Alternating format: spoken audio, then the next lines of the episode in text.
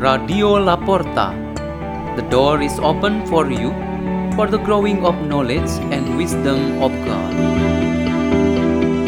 Delivered by Brother Linus SDB in Manila, Philippines, and Mayolisia Ekayanti from Saint Anna Church in Duren Sawit, Jakarta, Indonesia.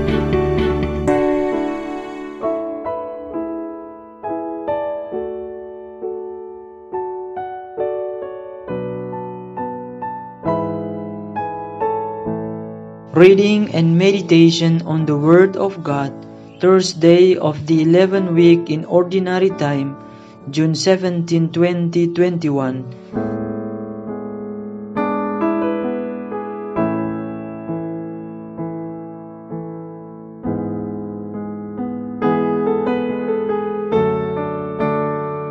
The reading is taken from the Holy Gospel according to Matthew.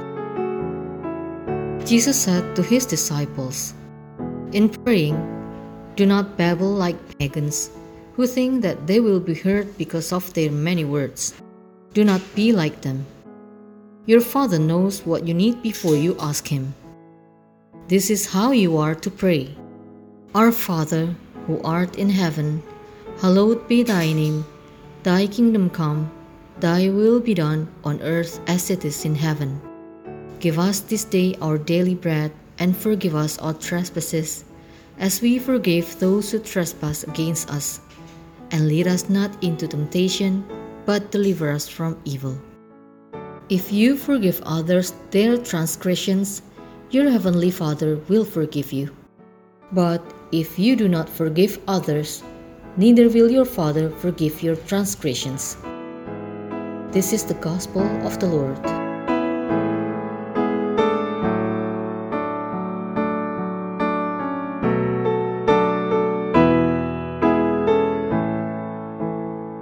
The theme for our meditation today is Our Father who art in heaven.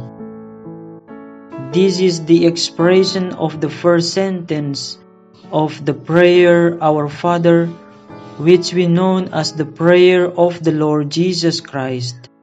This prayer comes from the very heart and mind of Jesus, so it is definitely Jesus' own prayer. Of all the prayers of Jesus in the New Testament, this prayer is the one we know and remember the most. Why? Because Jesus taught himself this prayer to his disciples and all of us, his beloved followers.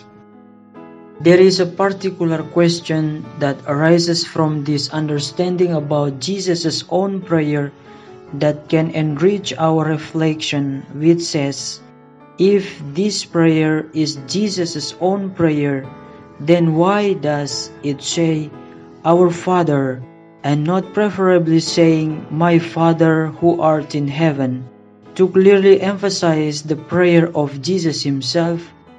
If Jesus himself had formulated it and then he surely used it to express his personal relationship with the Father, it would be inappropriate to use the pronoun we, which means involving people other than himself. The fathers and leaders of the church, such as Saint Cyprian and Pope Leo the Great, in their reflections say that Jesus Christ is an open and an universal God. His teachings and prayers are also open and universal.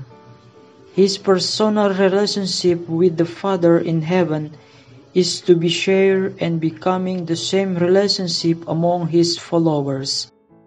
This prayer is a prayer in unity with Jesus to the Heavenly Father to offer our confession of faith, to express our thanksgiving, and to request that He may grant our various needs. That first sentence of the prayer, Our Father, describes the close or intimate relationship. Jesus wants us to be so close to our Heavenly Father, and He had stretched out His hands on the cross to reconcile us to God the Father. the Almighty God called us the Father is an innovation of Jesus. Before Jesus, there had been none of such God-man relationship like the Father-Son relationship. This unity of Father-Son relationship is a perfect unity and cannot be changed. St. Paul says this in his second letter to the Corinthians as our first reading today. This relationship really makes us so precious in God's eyes as we continuously receive blessings from the Father that fulfill our physical and spiritual needs. When we pray our Father both personally and with other people, it's like a moment of opening the spring from the Father that flows all the graces to us. Our request for a miracle to happen can be made anywhere and anytime. What we need to do is to pray the Our Father properly, that is, first of all to glorify and to give Him thanks, and then to ask blessings from the Father. Let us pray. In the name of the Father, and of the Son, and of the Holy Spirit. Amen. O Lord Jesus Christ, may every time we pray the Our Father, we will always dispose ourselves in humility and in a joyful heart. Glory to the Father, and to the Son, and to the Holy Spirit, as it was in the beginning, is now, and will be forever. Amen. In the name of the Father, and of the Son, and of the Holy Spirit. Amen. Radio La Porta. The door is open for you.